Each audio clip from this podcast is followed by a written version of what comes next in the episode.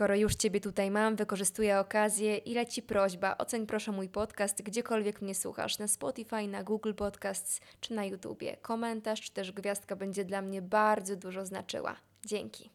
Zmiany, które zachodzą w naszym mózgu pod, pod wpływem spoglądania co 5 minut na telefon, mogą być nieodwracalne. Mogliśmy tyle dobrych rzeczy zrobić z tą technologią, a zrobiliśmy ekonomię uwagi.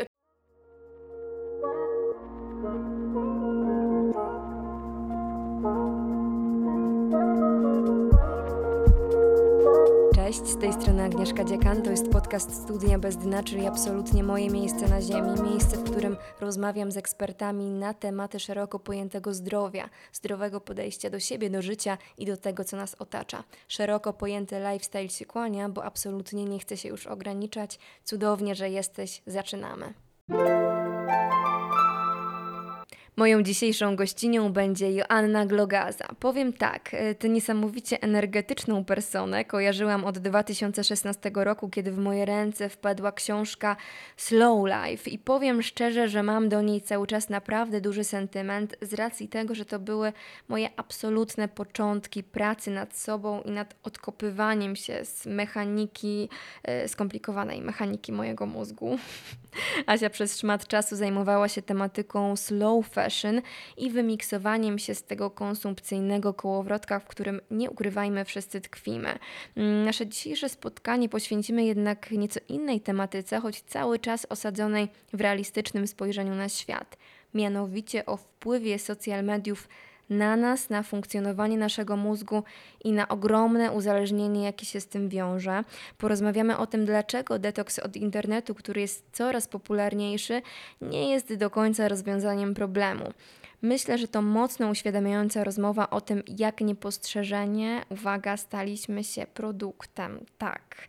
Asia właśnie wypuszcza na rynek najnowszą książkę w tej tematyce o tytule Ekonomia uwagi. Książka już powinna być na rynku, albo będzie dosłownie za chwilę, jak słuchacie tej rozmowy.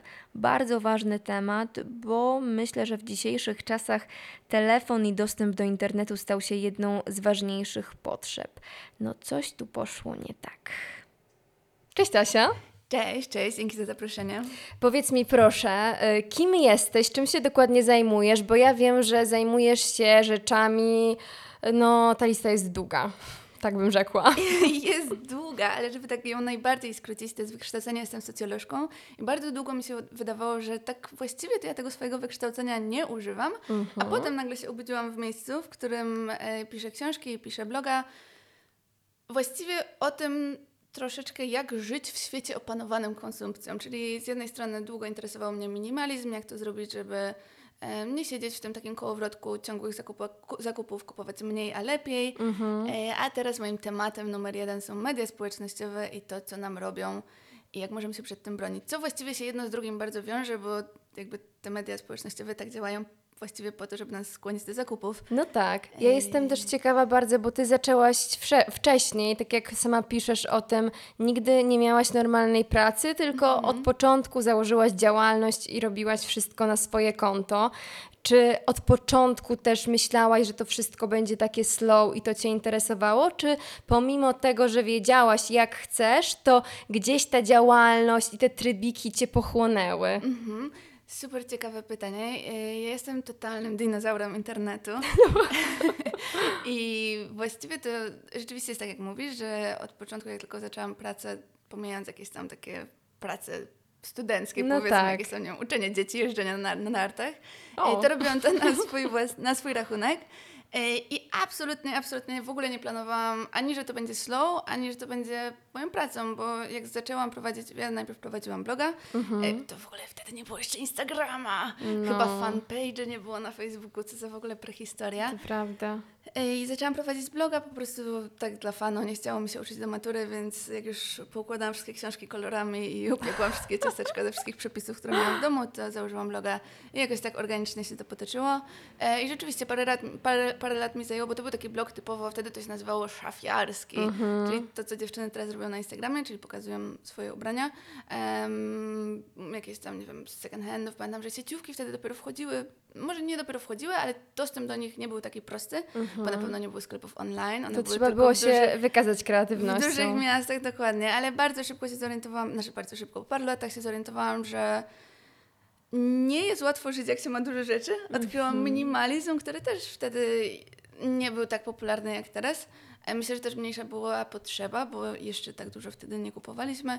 No i jak już odkryłam ten kierunek, to już w tamtą stronę się powolutku toczyłam. I to było dla ciebie proste, ten minimalizm, jak e, zobaczyłaś, że to działa, że to może być fajne, wprowadzenie tych nowych nawyków było takie easy? Mm, Było ekscytujące na pewno, nie było easy. Było ekscytujące, bo jakoś w ogóle mi to nie przyszło do głowy wcześniej. E, Nie było proste, miałam taki okres powiedzmy przejściowy, gdzie miałam jakieś takie poczucie żalu. Tak mi się wydawało, że coś mnie omija, że wszyscy tutaj mogą zaszaleć, a ja się muszę umartwiać. Ale potem jakoś e, stopniowo, stopniowo, myślę, że też trochę z wiekiem e, do mnie dotarło, że ja to robię przede wszystkim dla siebie i, i jakoś to poczucie e, niesprawiedliwości samo odeszło. No, no bo mogłoby się to kojarzyć z taką, em, hmm, tak sobie myślę, z taką kontrolą, nie? No bo skoro jestem minimalistką, no to muszę się zastanawiać, czy aby to będzie ok, czy ja muszę to kupować, a może jednak nie i żeby można wpaść w taki, wiesz, wir myślenia o tym, że szufladkuję się jako minimalistka. To jest super obserwacja i myślę, że jak ktoś ma skłonności do kontroli, to jak najbardziej może wpaść w taką pułapkę. I jest wiele osób, które tyle samo czasu właściwie poświęcają na myślenie o przedmiotach na tej swojej ścieżce minimalizmu, co poświęcali jak byli w szale kupowania, tylko teraz analizują 50 razy, czy kupić to, czy tamto, a może lepiej nie, a może ten eko-gadżet, a może tamten eko-gadżet. Tak. I rzeczywiście jest taka pułapka, w którą się można zapędzić. No właśnie, to jest, to jest problem, to jest, musi, musi być bardzo trudne, bo zaczynasz właśnie myśleć, zastanawiać się, analizować, wpadasz w błędne koło, wpadasz w takie, wiesz, czasami, mm, ja patrzę pod, y, przez pryzmat na przykład odżywiania, że im większa kontrola była w tym i pilnowanie, tym więcej było stresu i tak naprawdę, wiesz, ten minimalizm mógłby się okazać w przypadku, gdzie nie masz poukładanej relacji z samym sobą, może się okazać e, jakimś gwoździem trochę do, do twojej głowy. Myślę, że totalnie jest tak, jak mówisz. I to, to jest bardzo ciekawe, bo wydaje mi się, że o ile jak ktoś na przykład kupuje za dużo, to, to mam wrażenie, że minimalizm może być takim odpowiednikiem e, konsumpcyjnym ortoreksji. No, E, tak. Że jak ktoś kupuje za dużo, no to przynajmniej widać, że ma problem. Tak. A w przypadku, jak ktoś się złapie na taką pułapkę takiego nadmiernego, nadmiernej jakby kontroli i tłumaczenia sobie tego minimalizmem, e, to wydaje mi się, że wszystko robi dobrze, więc pewnie bardzo trudno jest namierzyć, co tutaj jest nie tak. Mhm. Więc e, myślę, że to spotkanie jest ważne, dlatego że ja bym w ogóle uciekała od takich sformułowań typu jestem na przykład minimalistką, tylko bardziej mm, dążyła do tego, żeby budować tą świadomość, z czego wynika e, ten wybór i dlaczego powinnam dokonywać takich wyborów i po prostu, żeby te rzeczy i te czynności, które się na mnie składają, były dla mnie naturalne. Ja nie jestem minimalistką, ale dbam o to, żeby w domu mieć rzeczy, nie wiem, jakościowe, etyczne. Wiesz o co mi chodzi? Tak, ja na to patrzę trochę inaczej. trochę podobnie, a trochę inaczej. Em, rzeczywiście totalnie jest tak, jak mówisz. Jeżeli to jest jakaś taka tożsamość, przez którą się definiujemy, to bardzo łatwo pewnie jest wpaść w tą pułapkę kontroli e, jakiegoś takiego flexowania się tym, że Tak. wcześniej tym, że kupujemy, a teraz tym, że nie kupujemy. Tak. Ja się zawsze staram pamiętać, że to jest po prostu narzędzie, e, które ma nam pomóc w ogóle nie myśleć o tym za dużo i wyciągnąć nas z, tej, z tego takiego błędnego koła, a co jeszcze muszę kupić, a, a czy to lepsze, a czy tamto lepsze, które może działać w- jakby w różną stronę, bo mogą to być zakupy na promce w Zarze, a może to być analizowanie kurtki z Patagonii, której tak naprawdę w ogóle nie potrzebujemy, bo już mamy z tamtego sezonu, ale nam się wydaje, że to jest ekologiczna, Tak. więc czytamy o jakichś super funkcjach i sobie racjonalizujemy ten kolejny zakup. Ja mam do ciebie jeszcze większy sentyment, bo oprócz tego, że obserwuję cię na Instagramie, to w 2016 roku kupiłam twoją książkę Slow Life. To była pierwsza, druga książka? To była moja druga książka. To była druga książka i pamiętam, że to też był w moim życiu taki czas, kiedy Aga stanęła przed lustrem i zadała sobie pytanie, hej, kim jesteś i do czego dążysz? E, Już minęło trochę od tamtego momentu e, i ja widzę, że ty cały czas właśnie w tym slow jesteś, jesteś też w internecie i cały czas poruszasz też nowe wątki, oprócz minimalizmu. Mm, zawiesiłaś się mocno na kap- kapitalizmie i na tym, co w XXI wieku nas dotyka, więc co nas dotyka uważasz najbardziej i, i jak to mocno się zmienia na przestrzeni lat, w których ty pracujesz w ogóle w tym środowisku. Mhm, to jest duże pytanie. Tak. E, Ja w ogóle też mam taki problem, że mój mózg jakoś tak lepiej mi idzie pisanie niż mówienie i zawsze jak dostaję takie złożone pytanie, to myślę, kurczę, czy ja mogę sobie to rozpisać na kartce? Ale dam radę, dam radę. Em, Wiesz co, wydaje mi się, że to, co jest teraz moim zdaniem największym problemem, e, to jest to, jak przemyślne i jak em, udoskonalone stały się te mechanizmy, mm, które mają nas wrzucić w ten konsumpcyjny, powiedzmy, kołowrotek, które zawsze były, bo nie wiem, już w latach 60. pewnie e, były reklamy, nie wiem czego, sukienek, butów, cokolwiek Tak. i one zawsze były takie trochę manipulanckie i tak dalej. E, ale nie, nie, nie były na taką skalę jak teraz. Teraz jakby technologia to jest też niesamowite, że jakby mogliśmy tyle dobrych rzeczy zrobić z tą technologią, a zrobiliśmy ekonomię uwagi. Oczywiście są też dobre rzeczy, e, ale teraz jest to tak udoskonalone i tak mm, projektanci tych mechanizmów tak dobrze znają nasz mózg i różne jego zakamarki, że ciężko jest, ciężko jest się przed tym bronić. Dorosłym, a już nie wspominając o dzieciach, które tyle czasu spędzają przed ekranem, że No jest właśnie. to totalnie przerażające. Przecież wiesz, pokolenie Z po 96 jest wychowane totalnie na social mediach i prawda jest taka, że takie mm, budowanie relacji i życie w grupie jest coraz bardziej im obce i to jest bardzo trudne, dlatego że my, osoby, które teoretycznie nie są tym pokoleniem, które na social mediach się wychowały i tak mają z tym problem. Mm, Oglądałam, e, nie wiem czy widziałaś, na pewno widziałaś e, ten dokument. e, Social Dilemma? Dokładnie. No i tam były prezes Pinteresta, podkreślał, że znał te mechanizmy, a mimo wszystko sam wpadł w tą pułapkę. Mhm, mhm. Tak, też jak ja robiłam research do swojej książki, to raz po raz się napotykałam na stwierdzenia jakichś tam i osób, które pracują przy wielkich mediach społecznościowych i tak mówiąc jakby takie pojęcie parasol, no bo nie wiem, czy YouTube możemy na przykład uznać za media społecznościowe. W każdym razie przy tych takich... Mhm. Myślę, że już trochę tak. Trochę tak. No, przy tych takich wszystkich tworach, które działają w tym modelu ekonomii uwagi, myślę, że w ogóle możemy zaraz wspomnieć, co to jest, bo to jest dosyć ważne. Tak. W każdym razie ci wszyscy ludzie, z jednej strony oni, a z drugiej strony ci, którzy się za- zajmują etyką e, technologii, czyli jakby starają się jakoś przeciwdziałać tym wszystkim negatywnym skutkom, jasno mówią, że oni swoich dzieci jakby nie zbliżają w ogóle ani do Instagrama, ani tym bardziej do TikToka, e, że po prostu nie wierzą, żeby był bezpieczny sposób dla młodych osób e, używania mediów społecznościowych. Mhm. E, I bardzo się to wiąże z, z tym, co powiedziałeś o, a propos relacji. Jest taka świetna książka Wyloguj swój mózg, chyba szwedzkiego psychiatry. I on tam jakby bardzo dokładnie tłumaczy, na czym polega niebezpieczeństwo tego mechanizmu, bo nam się często wydaje, że, że te media społecznościowe tak nam ułatwiają nawiązywanie tych relacji. No tak. A I właściwie po to powstały. Yy, To też jest swoją drogą niesamowite, że one naprawdę powstały po to, żebyśmy mogli Facebook na przykład, nie? Żebyś tam gdzieś tam odnaleźć kolegę ze studiów, Mhm. a teraz dotarły do takiego momentu, że ciężko jest nam, jakby siedząc z bliską osobą przy stole, z nią rozmawiać, a nie patrzeć w telefon. To Tak. też jest dosyć przerażające.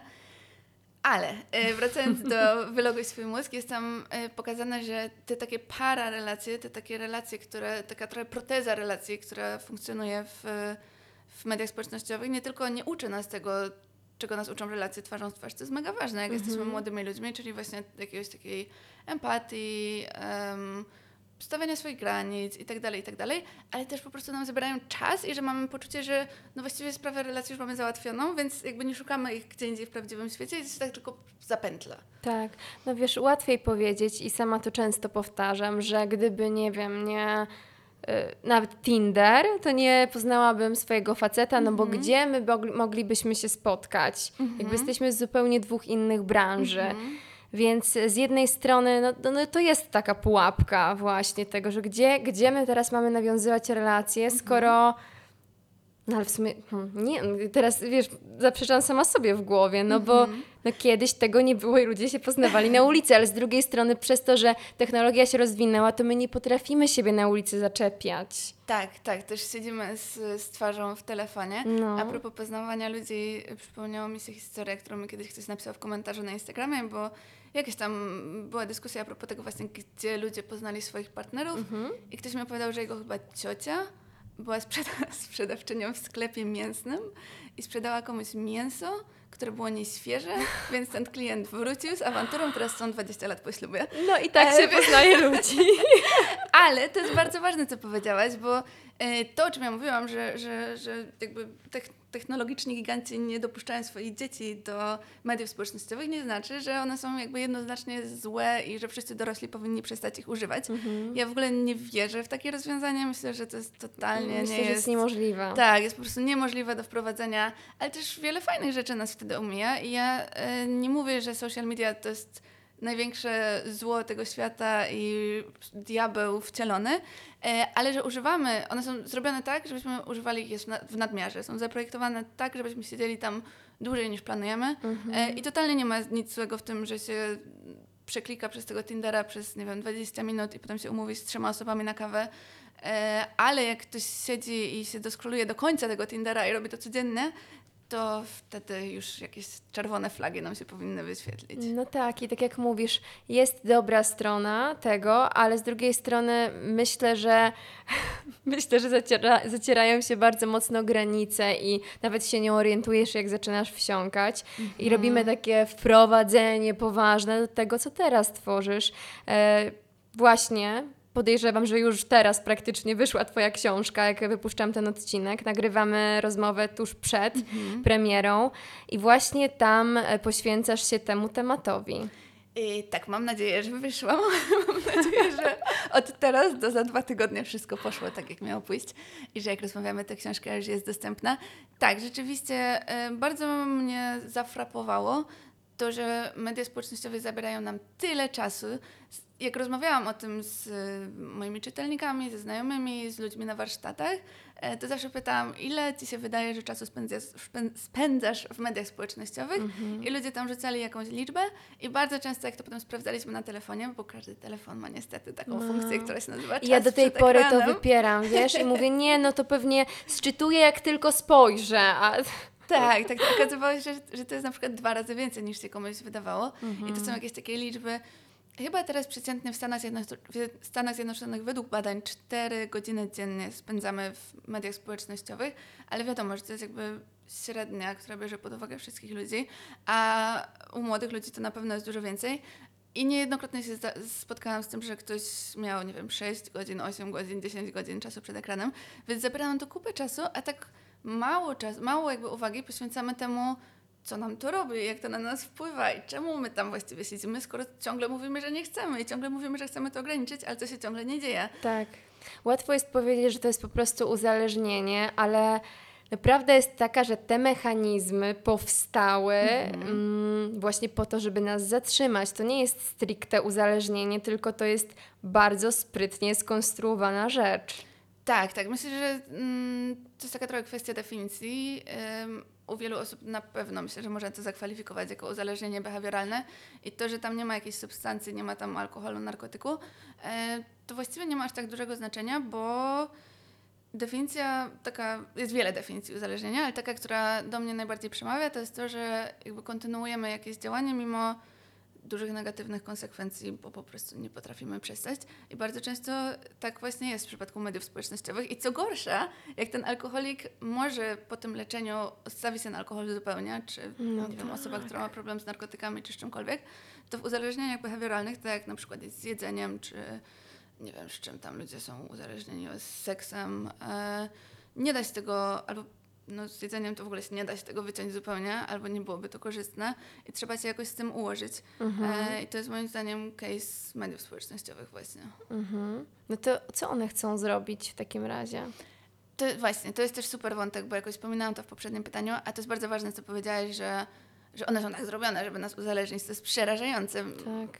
To jest przerażające w przypadku dorosłych, a zawsze jak sobie myślę o tych maluchach, to to mnie już totalnie przeraża. Bo Jestem- one nie są, e, nie działają w naszym interesie i taka Tak. jest prawda. Tak, tak. Totalnie media społecznościowe nie działają w naszym interesie. Są zaprojektowane tak, żebyśmy siedzieli tam jak najdłużej, żebyśmy otwierali je jak najwięcej. E, I z dwóch powodów właściwie. Przede wszystkim winowajcą jest model em, biznesowy, w którym funkcjonują media społecznościowe, czyli ekonomia uwagi, Mhm. który mm, działa w ten sposób. Okej, bardzo często nam się wydaje, że my używając mediów społecznościowych jesteśmy klientem tych firm i że jesteśmy, i że Facebook powinien robić wszystko, żeby, żeby nam się tam podobało. Często widzę, że twórcy internetowi narzekają, że Instagram, że im obciąża Dla, tak, i że dlaczego- dlaczego oni robią jak jakieś nowe Instagram rzeczy? może mi to robić. No. A nie biorą pod uwagę, że klientem Instagrama i klientem Facebooka są te firmy, które im płacą za reklamy, czyli ci producenci sukienek, karmy dla psów i czegokolwiek innego. Czyli mają gdzieś nas. Mają gdzieś nas. E, jeżeli chodzi o nas, to e, zależy im na tym, żebyśmy tam e, spędzali dużo czasu, żebyśmy byli aktywni, po to, że, bo im dłużej tam siedzimy, tym więcej reklam zobaczymy, im więcej rzeczy tam zrobimy, tym lepiej algorytm jest w stanie poznać nasze preferencje i z jednej strony podpowiedzieć nam reklamy, które potencjalnie lepiej na nas zadziałają, z drugiej strony podsunąć nam w tym feedzie, bo w ogóle ten narodziny feedu to jest moim zdaniem początek tego takiego już Eldorado ekonomii uwagi, e, bo dopóki informacje się wyświetlały chronologicznie, to było to jakieś takie do opanowania. Tak. Ale odkąd powstał ten feed, który pokazuje nam to, co jego zdaniem nas zaciekawi i działa bardzo dobrze, zwłaszcza na TikToku, to jest w ogóle mistrzostwo świata, no to jakby im dłużej tam siedzimy, tym więcej dajemy algorytmowi informacji o tym, co nas interesuje, więc te media społecznościowe się robią jeszcze ciekawsze, no i tak to się kręci. Mhm. Mówi się właśnie, że Facebook e, sprzedaje dane, a jemu nie chodzi o sprzedaż danych, tylko o to, żeby budować kolejne modele, które nas rozpoznają. Myślę, że kwestia danych też powinna nam czerwoną lampkę zapalić. To jest coś, o czym wiele osób nie myśli. E, Ja nie wiem, czy kojarzysz taką, taki, nie wiem, czy to jest fundacja? Czy to jest po prostu firma? W każdym razie, czy kojarzysz niebezpiecznika? Niebezpiecznik.pl? Nie, Okej, nie. oni właśnie się zajmują y, bezpieczeństwem w internecie i bezpieczeństwem danych. Y, I jak się tak poczyta, no jest to dosyć przerażające. Większość ludzi tak macha ręką i mówi, a co ja tam piszę na tym Facebooku, co ja tam, na, co ten Mark Zuckerberg może przeczytać, jak się z kolegą umawiał na 17.15 do kina. No nie, co go to obchodzi? E, tak, ale y, przywołuję w książce taką anegdotkę australijskiej chyba dziennikarki, która miała taką sytuację, że nagle, jakoś tak była w okolicach 30 i nagle Facebook zaczął jej wyświetlać jakieś takie okołodzieciowe tematy. Tutaj, że e, co się powinno jeść w ciąży, jakie badania się powinno zrobić, a kwas foliowa, tamto, siamto. No i najpierw była taka zdziwiona, potem pomyślała, że może na przykład rozmawiała z jakąś koleżanką, która jest w ciąży, może Facebook uznał, że to już jest pora e, i że inne jakby kobiety w tym wieku się tym interesują.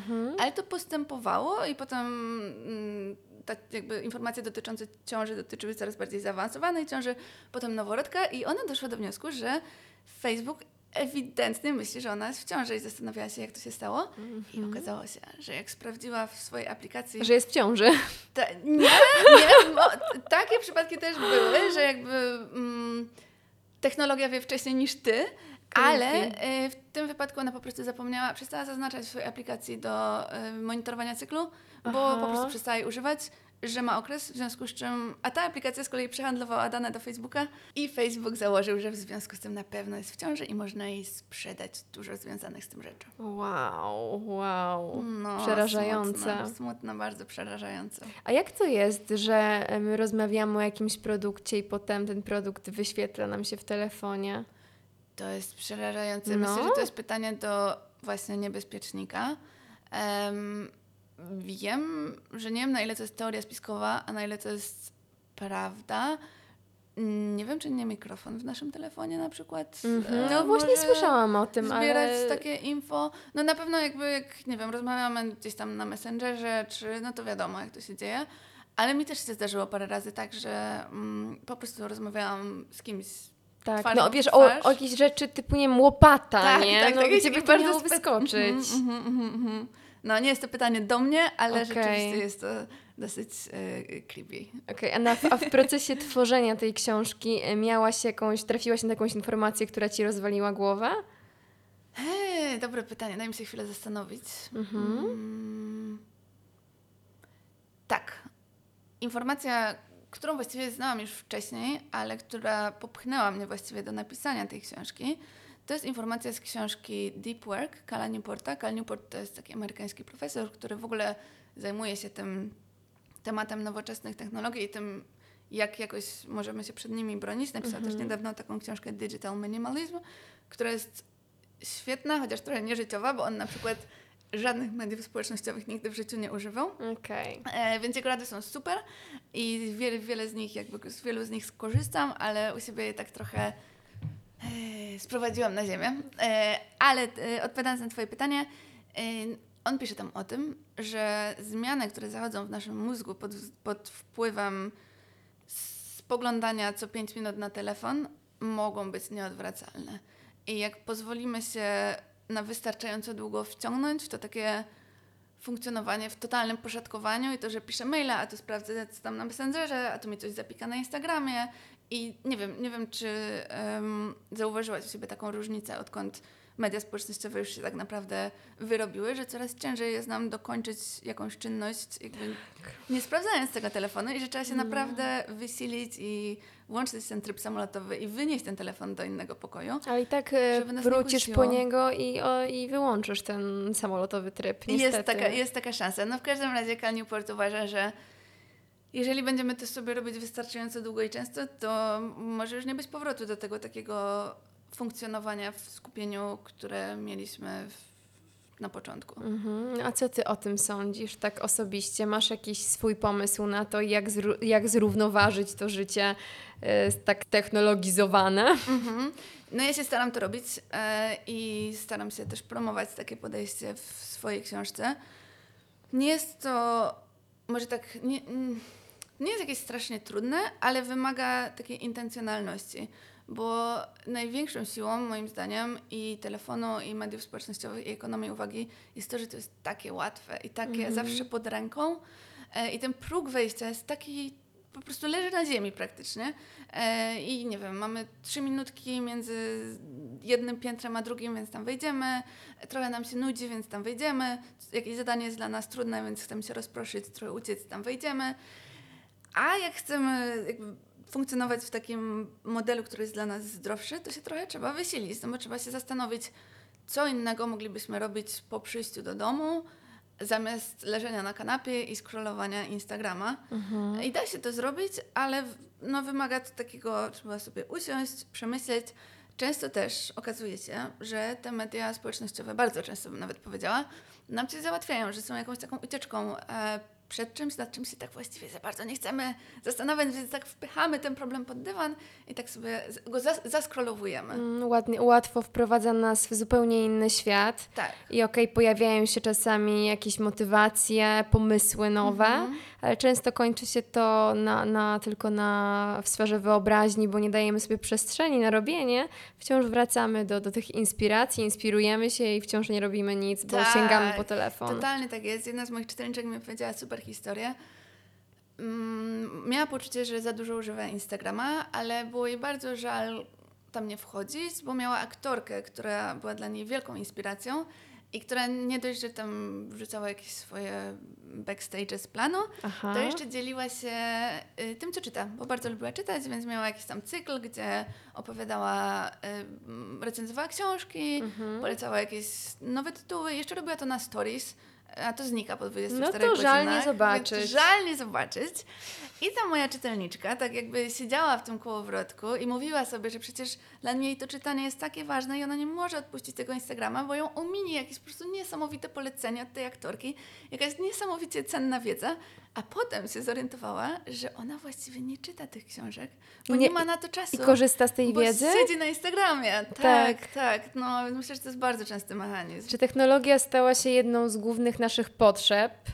I to jest duży problem, bo że w momencie, w którym jesteśmy w miejscu, gdzie nagle nie ma zasięgu, mm, czujemy nawet delikatny lęk. Tak, tak, tak, tak. E, To się nawet jakoś nazywa, jakoś... A, nie pamiętam, jakieś takie telefonowe FOMO, jest na to jakaś sprytna nazwa. Okej, never mind. E, rzeczywiście, totalnie tak jest. Mamy też masy wymówek, em, żeby mimo, że wiemy, że to nam szkodzi, mimo, że już czujemy, że nie jest dobrze, że nie możemy się skupić, że nasza samoocena poleciała w dół, że nie mamy czasu ani ochoty się spotykać ze znajomymi, że nie robimy tych rzeczy, których kiedy, lub, kiedyś, lub, które kiedyś lubiliśmy robić, to mówimy sobie właśnie, że a nie, jak nie to, że nas coś ominie, mm, to na przykład, że są nam potrzebne do biznesu. Tak, no przecież, i, ale wiesz, prowadzimy Instagram. Prowadzimy Instagram, dlatego wrzucamy tam coś raz na tydzień, za to 10 godzin dziennie spędzamy na scrollowaniu. Tak.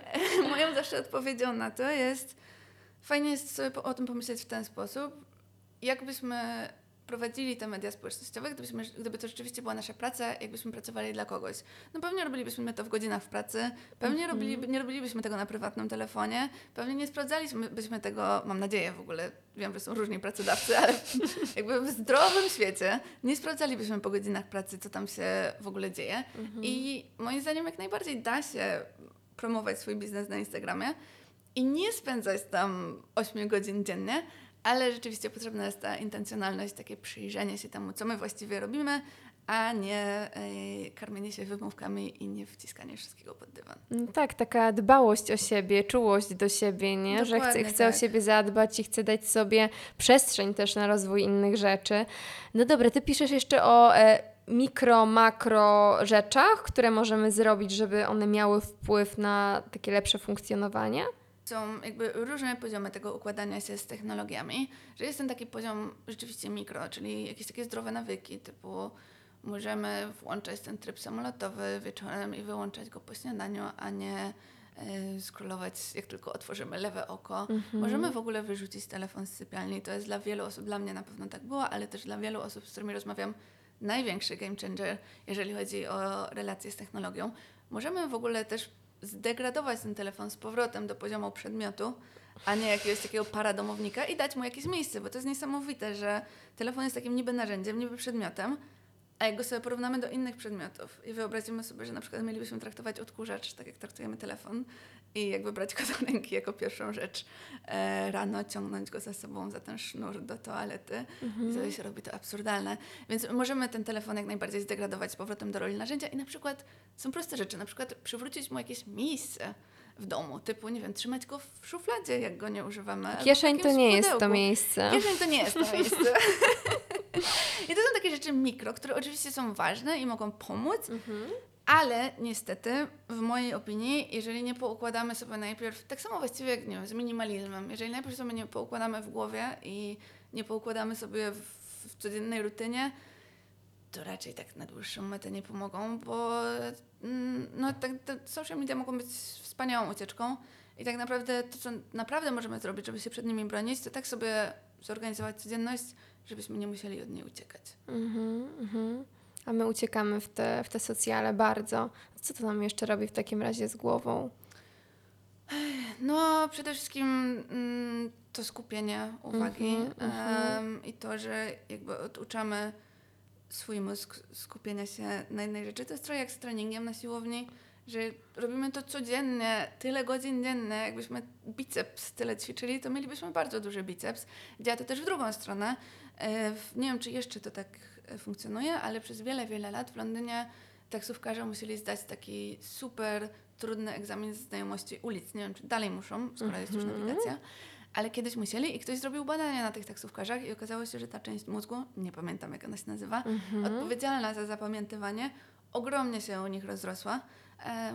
No i skoro działa to w tą stronę, to pewnie niestety działa to też w drugą. Ale tak, to musi bardzo mocno upośledzać naszą zdolność zapamiętywania rzeczy. Mhm. nie wiem, czy, nie wiem, czy miałaś kiedyś tak, że na przykład wyciągasz telefon, żeby coś sprawdzić, na przykład godzinę czy coś tam, wciągasz coś w coś zupełnie innego, chowasz ten telefon do kieszeni i w sumie to nie pamiętasz, która była godzina albo po co go w ogóle wyciągnęłaś. Wiesz co, ja czasami e, odblokowuję, sprawdzam godzinę i potem znowu sięgam, bo nie pamiętam mm -hmm. i myślę mhm. sobie, co, co się stało w tym momencie, tak, kiedy minutę tak. temu to sprawdzałam. Na pewno jakąś taką roboczą pamięć nam to bardzo upośledza.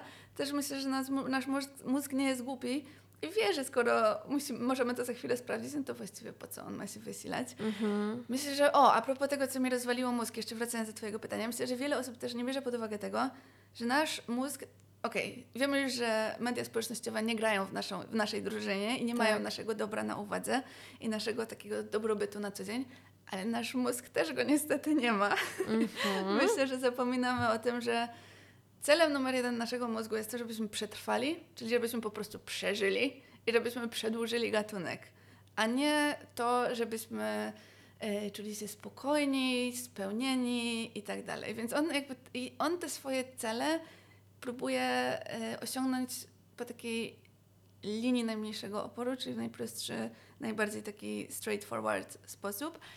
A z kolei projektanci mediów społecznościowych to wiedzą i doskonale to wykorzystują. I skoro możemy w łatwy sposób dostać zastrzyk do pamięci po tym, że sobie przeskrolujemy e, kawałeczek Instagrama, no to po co mamy się wysilać i iść na przykład, nie wiem co zrobić, spotkać się z, na randkę z kimś tam, co wymaga wysiłku, co ryzykujemy odrzucenie. No tak. I bardzo dużo trudnych rzeczy się może wydarzyć, a Instagram jest taki prosty.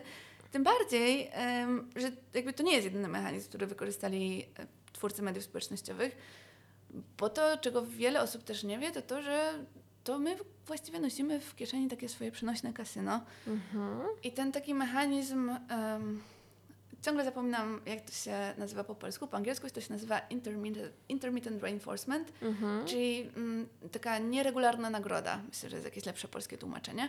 E, tak jak w kasynie, że jakby siedzimy tam, co jakiś czas wygramy i potem przegrywamy, przegrywamy, przegrywamy, ale wiemy, że, że Znowu- zaraz się odegramy, więc dalej tam siedzimy, mimo że już wszystko przegraliśmy i jeszcze pożyczyliśmy pieniądze. Mhm. Tak samo jest e, z Instagramem, że jakby skrolujemy, skrolujemy nic ciekawego, ale co jakiś czas się tam pojawi coś, co nas mega poruszy. Zwykle to są negatywne emocje, które jakoś dużo bardziej nas wciągają niż te pozytywne. Jest jakaś drama, jest jakaś aferka, tutaj jakaś celebrytka powiedziała, że mamy co brzydoty? Promowanie brzydoty? A, Mody na brzydotę? moda na Moda na brzydotę. brzydotę. Tutaj się okaże, że nie wiem co, że że, że, że a, jakaś zdrada celebrytów, nie wiadomo co, zależy Tak. co, co kogo tam porusza. Tak. Ym, I wracamy po więcej, mimo tego, że nie wiem, 8 razy na 10 nic nas na tym Instagramie nie zainteresuje. No jednak wracamy. Taka strasznie Tak. toksyczna relacja. Strasznie, nie wiem, czy, czy kiedyś się złapałaś na tym, że tak się skroluje, skroluje, tak się odświeża i już tam nic tam nie ma, Tak. ale człowiek tak odświeża, żeby jednak I wiesz, i czuję, że na strasznie. przykład boli mnie głowa, bolą Mhm. mnie oczy, a mimo wszystko wciąż w tym jestem i wciąż to robię. totalnie. Jestem e, szczerze mówiąc mocno zaskoczona, bo próbowałam się z Tobą skontaktować i Ty bardzo, mm, bardzo jasno od razu mnie przekierowałaś na maila. I mailem faktycznie się kontaktujesz, i to jest też jakaś część tego Twojego mm, od y, social mediowania. Tak, tak, tak. W ogóle ciekawe, że o tym wspomniałeś. Po pierwsze dziękuję za zrozumienie, a po drugie rzeczywiście tak. Ja mam taki system. Facebook to w ogóle mógłby nie istnieć dla mnie, e, ale Instagram to mnie lubi ściągnąć. To też w ogóle jest ważne, żeby tak się przyjrzeć sobie i zobaczyć, co nas tam konkretnie wciąga, bo różni ludzie mają różnie. Więc ja mam z Instagrama, a z kolei nie chcę mm, z Instagrama rezygnować całkowicie, bo rzeczywiście też używam go do pracy, więc ja mam taki system, że wrzucam tam, co mam do wrzucenia, a potem go kasuję z telefonu. I jak mam następnym razem coś do wrzucenia, to go ściągam z powrotem, odpowiadam na komentarze. Jeżeli jest taka potrzeba, wrzucam, co mam do wrzucenia, zobaczę sobie, co tam chcę zobaczyć i znowu go wyrzucam. W związku z czym jakby trudno jest mi... Po pierwsze też nie chcę rozmawiać e, w wiadomościach, bo to sprawia, że się Mhm. dłużej tam siedzi. A po drugie, no trudno jest się umawiać, jak ktoś znika na, nie wiem, No cztery tak, dni. tak. E, też tak się staram właśnie te wszystkie pracowe rzeczy mieć na tym pracowym mailu i jakiś taki wprowadzić w ten porządek, e, bo rzeczywiście wtedy łatwiej jest mi to opanować. No to pełen szacun, naprawdę. E, Od razu sobie jeszcze przypomniałam a propos wymówek. E, Mamy wpojone takie FOMO, nie? Że jeżeli ja usunę na przykład jak- jakieś aplikacje albo nie będę sprawdzała i nagle, nie wiem, wyjdę do pracy i dowiem się od ludzi czegoś, wiesz, wielkiego, co wydarzyło się na świecie i ja nie będę o tym wiedziała, no to będę, wiesz, jakoś k- 10 kroków do tyłu i wstyd się przyznać, że nie jestem na bieżąco, bo teraz, wiesz, wszyscy musimy być na bieżąco i powiedzieć, że w sumie ja nie wiem, co się dzieje do końca, jest, wiesz, takim trochę, no, no, nie bardzo. Mhm. To jest bardzo ciekawe. Na pewno jest tak, że nie można mieć wszystkiego. I ten to FOMO jest jakby całkiem zasadne, bo na pewno nas coś ominie, jak nie będziemy Tak. siedzieć w tych mediach społecznościowych na bieżąco. Ale są dwie kwestie. Po pierwsze, co nas omija, jak my siedzimy w tych mediach społecznościowych i Mhm. omija nas tak naprawdę nasze życie i relacje głębokie i to, że nasze dziecko coś tam zrobiło, albo wspaniała książka, którą mogliśmy napisać, ale nie napiszemy, bo mamy poszatkowany mózg, insta- mózg Instagramem i tak dalej, i tak. A z drugiej strony, ym, jasne, ominie nas coś na pewno, ale no nie umrzemy raczej y, bez tego. Y, I też jakość tych informacji, które się na tym powiedzmy Instagramie, Facebooku przewijają, jest jednak dosyć dyskusyjna. E, No jest bardzo właśnie. dużo fake newsów. E, Fajny mam przykład e, mojej przyjaciółki, która jest taka bardzo, bardzo stara się świadomie do tego podchodzić. I z jednej strony, na przykład, jak była w ciąży, to zupełnie odcięła wszystkie internetowe źródła, bo już samo bycie w ciąży było dla niej nowe, stresujące Tak. i tak dalej, więc nie chciała sobie jeszcze dowalać, czytając o tym, że a y, taki rodzaj adidasów sprawia, że twoja pięta jest pod takim kątem i twoje dziecko może mieć po prostu zrujnowane życie. Mhm. E, po prostu nie chciała tego wszystkiego czytać. Przeczytała parę książek osób, które uważała za autorytety, słuchała lekarza, słuchała położnej. No przeżyła, dziecko też przeżyło, mają się super. E, to jest takie też, mam wrażenie, bardzo częste FOMO, takie, które żeruje na takim naszym strachu o dziecko, strachu o dobro, nie wiem, psa, o dobro relacji. E, a z drugiej strony tak samo zrobiła, jak była wojna, jak wybuchła wojna w Ukrainie. Mm, I też nie chciała jakby się karmić tym, robić tego takiego doom scrollingu, Mhm. czyli takiego, nie wiem, ciągłego odświeżania coraz to gorszych informacji, które są dodatkowo clickbaitowe i często dużo bardziej drastyczne niż mogłyby być po to, żeby więcej osób klikało. To też jest jakby problem sam w sobie. Tak. I jej strategia była taka, że po prostu słuchała podcastu Raport o stanie świata, e, gdzie te informacje są sprawdzone, są podane raz. E, on chyba wtedy wychodził raz dziennie. Mhm, tak. Nie wiem, czy to jest taka stała regularność, czy on się teraz pojawia na, raz na parę dni, raz na tydzień. No Mhm. w każdym razie te informacje i tak do nas dotrą. Możemy, jest, możemy sobie pomyśleć o tym w ten sposób, że jeżeli nie jesteśmy tak super na bieżąco z każdym newsem, to jakby mamy czas na to, żeby wybrać te lepsze źródła informacji, e, te takie bardziej przefiltrowane, przemyślane. No, No właśnie, to, ale to jest, e, tak jak mówisz, bardzo duży problem. Szerzenie się fake newsów, tego, że szukamy odpowiedzi na przeróżne pytania w internecie. E, To samo było z moją siostrą, kiedy, kiedy była w ciąży, miała średnie wyniki badań i szukała właśnie e, odpowiedzi w internecie. I to wywoływało, wiesz, jeszcze większy stres, i, a stres do niczego dobrego nie prowadzi. Także. No, to jest, to jest trudne, ale to jest na wyciągnięcie ręki, dlatego Tak. łatwiej jest nam poszukać, wkleić swoje zdjęcie na jakiejś, wiesz, grupie i zapytać, co to jest, to słuchajcie, pewno dajcie jest znać. zawał albo zaawansowany nowotwór. Internet zna tylko Tak. dwie diagnozy. No, Jejku, tak, ile razy ja wpisałam, wszystko. boli mnie to i to, rak. No rak i koniec. Mhm. Ojejku, tak, to, to jest... Ewentualnie to jest, zawał. Ewe- ewentualnie. Y, Różne, różne inne propozycje na to, jak żyć lepiej, Mhm. a, a, a z drugiej strony my wiemy, że tak nie do końca można tego słuchać, a jednak się... Tak, tak. To jest niesamowite. Niesamowite dla mnie jest to, że social media są w stanie skomercjalizować i przemielić przez tą konsumpcyjną machinę absolutnie wszystko. E, I jak już im się udało tam najpierw ubrania, kosmetyki, to tak nie wiem, z 10 lat temu, nie? To były tak, takie tak. puszowane na Instagramie produkty. Potem był taki etap chodakowskiej, ćwiczeń, szejków, pudełek z jedzeniem i tak dalej, i tak dalej. A teraz mam wrażenie, weszliśmy w etap skomercjalizowania. I też jakby poprzednie rzeczy dalej działają, dalej są nam sprzedawane te, sprzedawane te ubrania, kosmetyki i tak dalej. Tak. To nie jest tak, że jakby jedno wyklucza drugie. Ale mam wrażenie, że teraz jeszcze doszła komercjalizacja duchowości. O, ja tak często o tym mówię. Tak, jakiś magiczny prostu gadżet, który nam uleczy duszę i raka i ten zawał i w ogóle wszystko. To, to jest w ogóle już wow. No, Taki jest, temat. Smutno. Tak, i a propos komercjalizacji, e, tak samo wiesz, to, to firmy, które produkowały mnóstwo różnych rzeczy, nas to wprowadziły i to wciąż trwa, ale, ale bardzo mocno mm, zakrywają się takimi łatkami, że na przykład y, produkują etycznie, żyją, wiesz, etycznie, że dbają o środowisko, ale to wciąż jest sprzedaż i wciąż tych produktów jest bardzo, bardzo, bardzo dużo. Tak, też ta ekologia jest często taka bardzo na pokaz. E, To ma swoją nazwę, to się nazywa greenwashing i to są takie Tak. właśnie pozornie ekologiczne działania.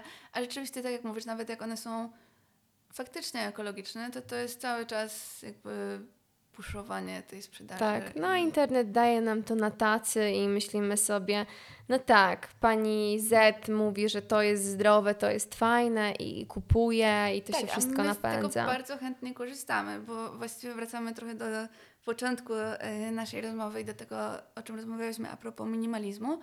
Te takie wszystkie pseudo-eko, czy tam nawet prawdziwie ekoprodukty są super wymówką do tego, żeby się lepiej poczuć i powiedzieć sobie, no, bo ja taka jestem ekologiczna i świadoma i tak dbam o planetę, bo kupuję tutaj 15 termosik, przepraszam, po- popatrzyłam na twój termosik i mnie to ale nic nie mam do twojego termosika i zupełnie jakby jest to... Jasne, jasne. No, Ale dałam się naciągnąć reklamie, bo potem znalazłam tą butelkę zdecydowanie tańszą na innej no ale to nie ma w stronie. ogóle znaczenia, ale w każdym razie tak sobie, tak niby coś zmieniamy, ale żeby nic nie zmieniać. I dalej kupujemy tyle samo. Ale tylko- z etycznych, ale eko, źródeł, Tak, no. tak. Podczas gdy wiadomo, że najbardziej ekologiczne jest to, co już mamy w szafie albo w szafce kuchennej. I, Mm. no, Długo pracowałaś nad swoją nową książką? Strasznie długo. Mi się cały czas wydawało, że już kończę, a y, dochodziły jakieś nowe rzeczy. Bardzo dużo przeczytałam książek, przesłuchałam podcastów, bo u nas cały czas jest taki raczkujący temat, Mhm. ale w na przykład anglojęzycznych źródłach jakby dużo więcej można znaleźć. Myślę, że z rok w sumie. E, takiej już konkretnej pracy, a myślałam o tym tak jeszcze kolejny rok, Okej. zanim, zanim się zebrałam. A co my tam dokładnie znajdziemy? Książka się składa z czterech części Mhm. i pierwsza jest o tym, co nam robią media Mhm. społecznościowe, jak wpływają na nasz mózg, na naszą samoocenę, na nasze relacje, na społeczeństwo w ogóle. Potem jest rozdział, który był szczególnie trudny, bo tak się starałam go napisać, żeby nikogo za bardzo nie dotknąć, ale też żeby no, nie, nie ściemniać i pisać znaczy, wiesz, jest. jeżeli kogoś ma dotknąć, to dotknie prawda. i, i ciężko jest zrobić tak, Też żeby nikogo sobie- nie ukuło. Też sobie, chociaż z drugiej strony może to i dobrze, że ukłuje, jak dla kogoś to ma być jakiś taki Tak. e, impuls, żeby coś zmienić, to niech kłuje. E, drugi rozdział jest o wymówkach właśnie, które sobie mówimy, żeby dalej siedzieć w tych mediach społecznościowych, mimo że już wiemy, że za dobrze nam to nie robi. Mhm. E, No i potem mm, jest taka część praktyczna, czyli co konkretnie możemy krok po kroku zrobić, żeby się lepiej z tymi technologiami ułożyć, jak wybrać ścieżkę dla siebie, e, no i jak to zrobić, żeby wprowadzić to w życie tak, żeby to rzeczywiście funkcjonowało, bo wiele, jakby na dłuższą metę, mam wrażenie, że wiele osób popełnia taki błąd, że mówi sobie, a dobra, dobra, rzeczywiście bez sensu, to ja teraz zrobię taki detoks i Tak. teraz, teraz przez, przez dwa tygodnie skasuję, nie będę używać. I potem wracają są zdziwione, że jakby bardzo szybko wracając do tego, co było wcześniej, bo nie biorą pod uwagę, że nic się nie zmieniło, nic nie zmieniło jakby w swojej codzienności, nic nie zmieniło w swojej rutynie, nic nie zmieniło w, nawet w tym telefonie. Tak. Nie, nie, nie wyrzuciły tej aplikacji chociażby na ten ostatni ekran, żeby jej nie widzieć cały czas, jak odblokowujemy telefon. Mhm.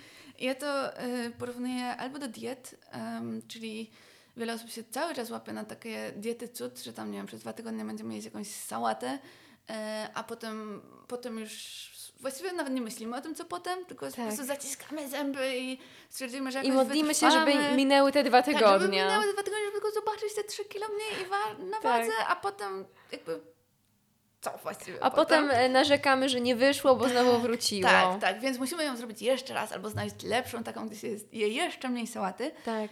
Albo y, można to porównać do, do wiedzy, którą mamy z y, walki z uzależnieniami takimi już y, powiedzmy poważnymi, chociaż Mhm. też jakby dzielenie na poważne i niepoważne jest zupełnie bez sensu, więc właściwie cofam to, co powiedziałam.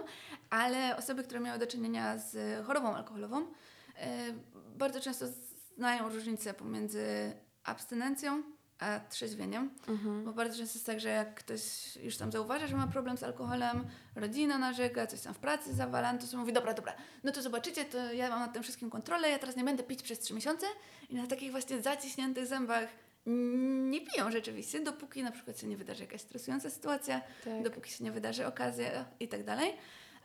No i to się kończy zwykle tak samo, powrotem do tego, co było. A trzeźwienie to już jest taki proces, że idziemy na terapię uzależnień, że dowiadujemy się, dlaczego my właściwie piliśmy, dlaczego w ten sposób regulowaliśmy swoje emocje, jak możemy je uregulować w zdrowy sposób, jak możemy em, na nowo ustawić swój dzień, żeby właśnie tych okazji, żeby nas tam nie triggerowały te okazje do picia i tak dalej. Więc no, dla mnie taka jest różnica między takim holistycznym systemem, a, a takim mówieniem sobie, że dobra, to ja teraz zrobię detoks. I właśnie ten taki holistyczny sposób staram się w swojej książce przedstawić. Tak, musi być e, porządna motywacja, dlaczego to robisz. To na pewno. E, I, I właśnie wydaje mi się, że nie skrajność, tylko mały krok na zasadzie, ok, postaram się teraz łapać e, w momentach, w których bezmyślnie łapię za telefon, Jasne. E, albo wprowadzam sobie jakieś takie widełki na zasadzie, ok, na przykład pracuję na Instagramie i, i tworzę treści, więc od poniedziałku do piątku traktuję to do, jak pracę i zaglądam tam ewentualnie do godziny takiej, jakoś to planuję, a weekendy mam super offline, no gdzieś znaleźć taki balans, a nie skrajnie odcinać, bo to się nigdy dobrze nie kończy. Tak, totalnie się zgadzam z Tobą. Też e, dlatego, że w mediach społecznościowych są jednak spoko rzeczy i możemy z tego korzystać. Jak się tak zastanowimy na przykład, ile czasu nam jest potrzebne na bycie na bieżąco z tym, co, na tym, na, z tym, co tam na tym Instagramie obserwujemy, no nie wiem, z 20 minut, Tak. a, a, a, więc jakby jak najbardziej możemy to zrobić, tylko jakby klucz w tym, żeby to rzeczywiście było te 20 minut i żebyśmy tak sobie to poukładali, żeby nas nie wciągało już to takie bezmyślne scrollowanie, które już żadnej wartości w nasze życie nie wnosi, a tylko nas tam wyczerpuje i Tak, tak. Eee, I wyrzucać, i, i wyrzucać też konta, które po prostu tak naprawdę nic nam dobrego nie robią. tak, tak, tak. No, bo to, co wcześniej powiedziałaś, e, co zobaczymy w Twojej książce, co przeczytamy, na samoocenę mają ogromny wpływ i nawet jeżeli wiesz, jak to działa, to i tak to wpływa. Nie ma tak, że jako świadoma osoba jesteś w stanie, wiesz, założyć tarczę i to wszystko odpychać, tylko to prędzej czy później i tak siada na psychę. Zdecydowanie. No, no. Dziękuję Ci bardzo. Powiedz mi jeszcze tytuł książki. Książka się nazywa Ekonomia uwagi, jak nie przeskrolować sobie życia. I ja też Ci bardzo dziękuję. Jesteś z niej dumna? Jestem, jestem z niej zadowolona i w ogóle cieszę się, że ktoś tą książkę napisał, już nawet niekoniecznie, że to jestem ja, bo to jest tak ważny temat, a tak mało o nim mówimy. Mhm. I sama wszystko zrobiłaś, oczywiście, i sama ją wydajesz, i to jest Twoje dzieciątko. Jest to moje dzieciątko, sama ją na, oczywiście napisałam. Redakcja, korekta, skład są już jakby w innych profesjonalnych rękach, ale rzeczywiście sama ją wydałam. Wielkie gratulacje, super, że to robisz i dziękuję Ci, że przyszłaś. Ja Ci dziękuję za zaproszenie. Dzięki.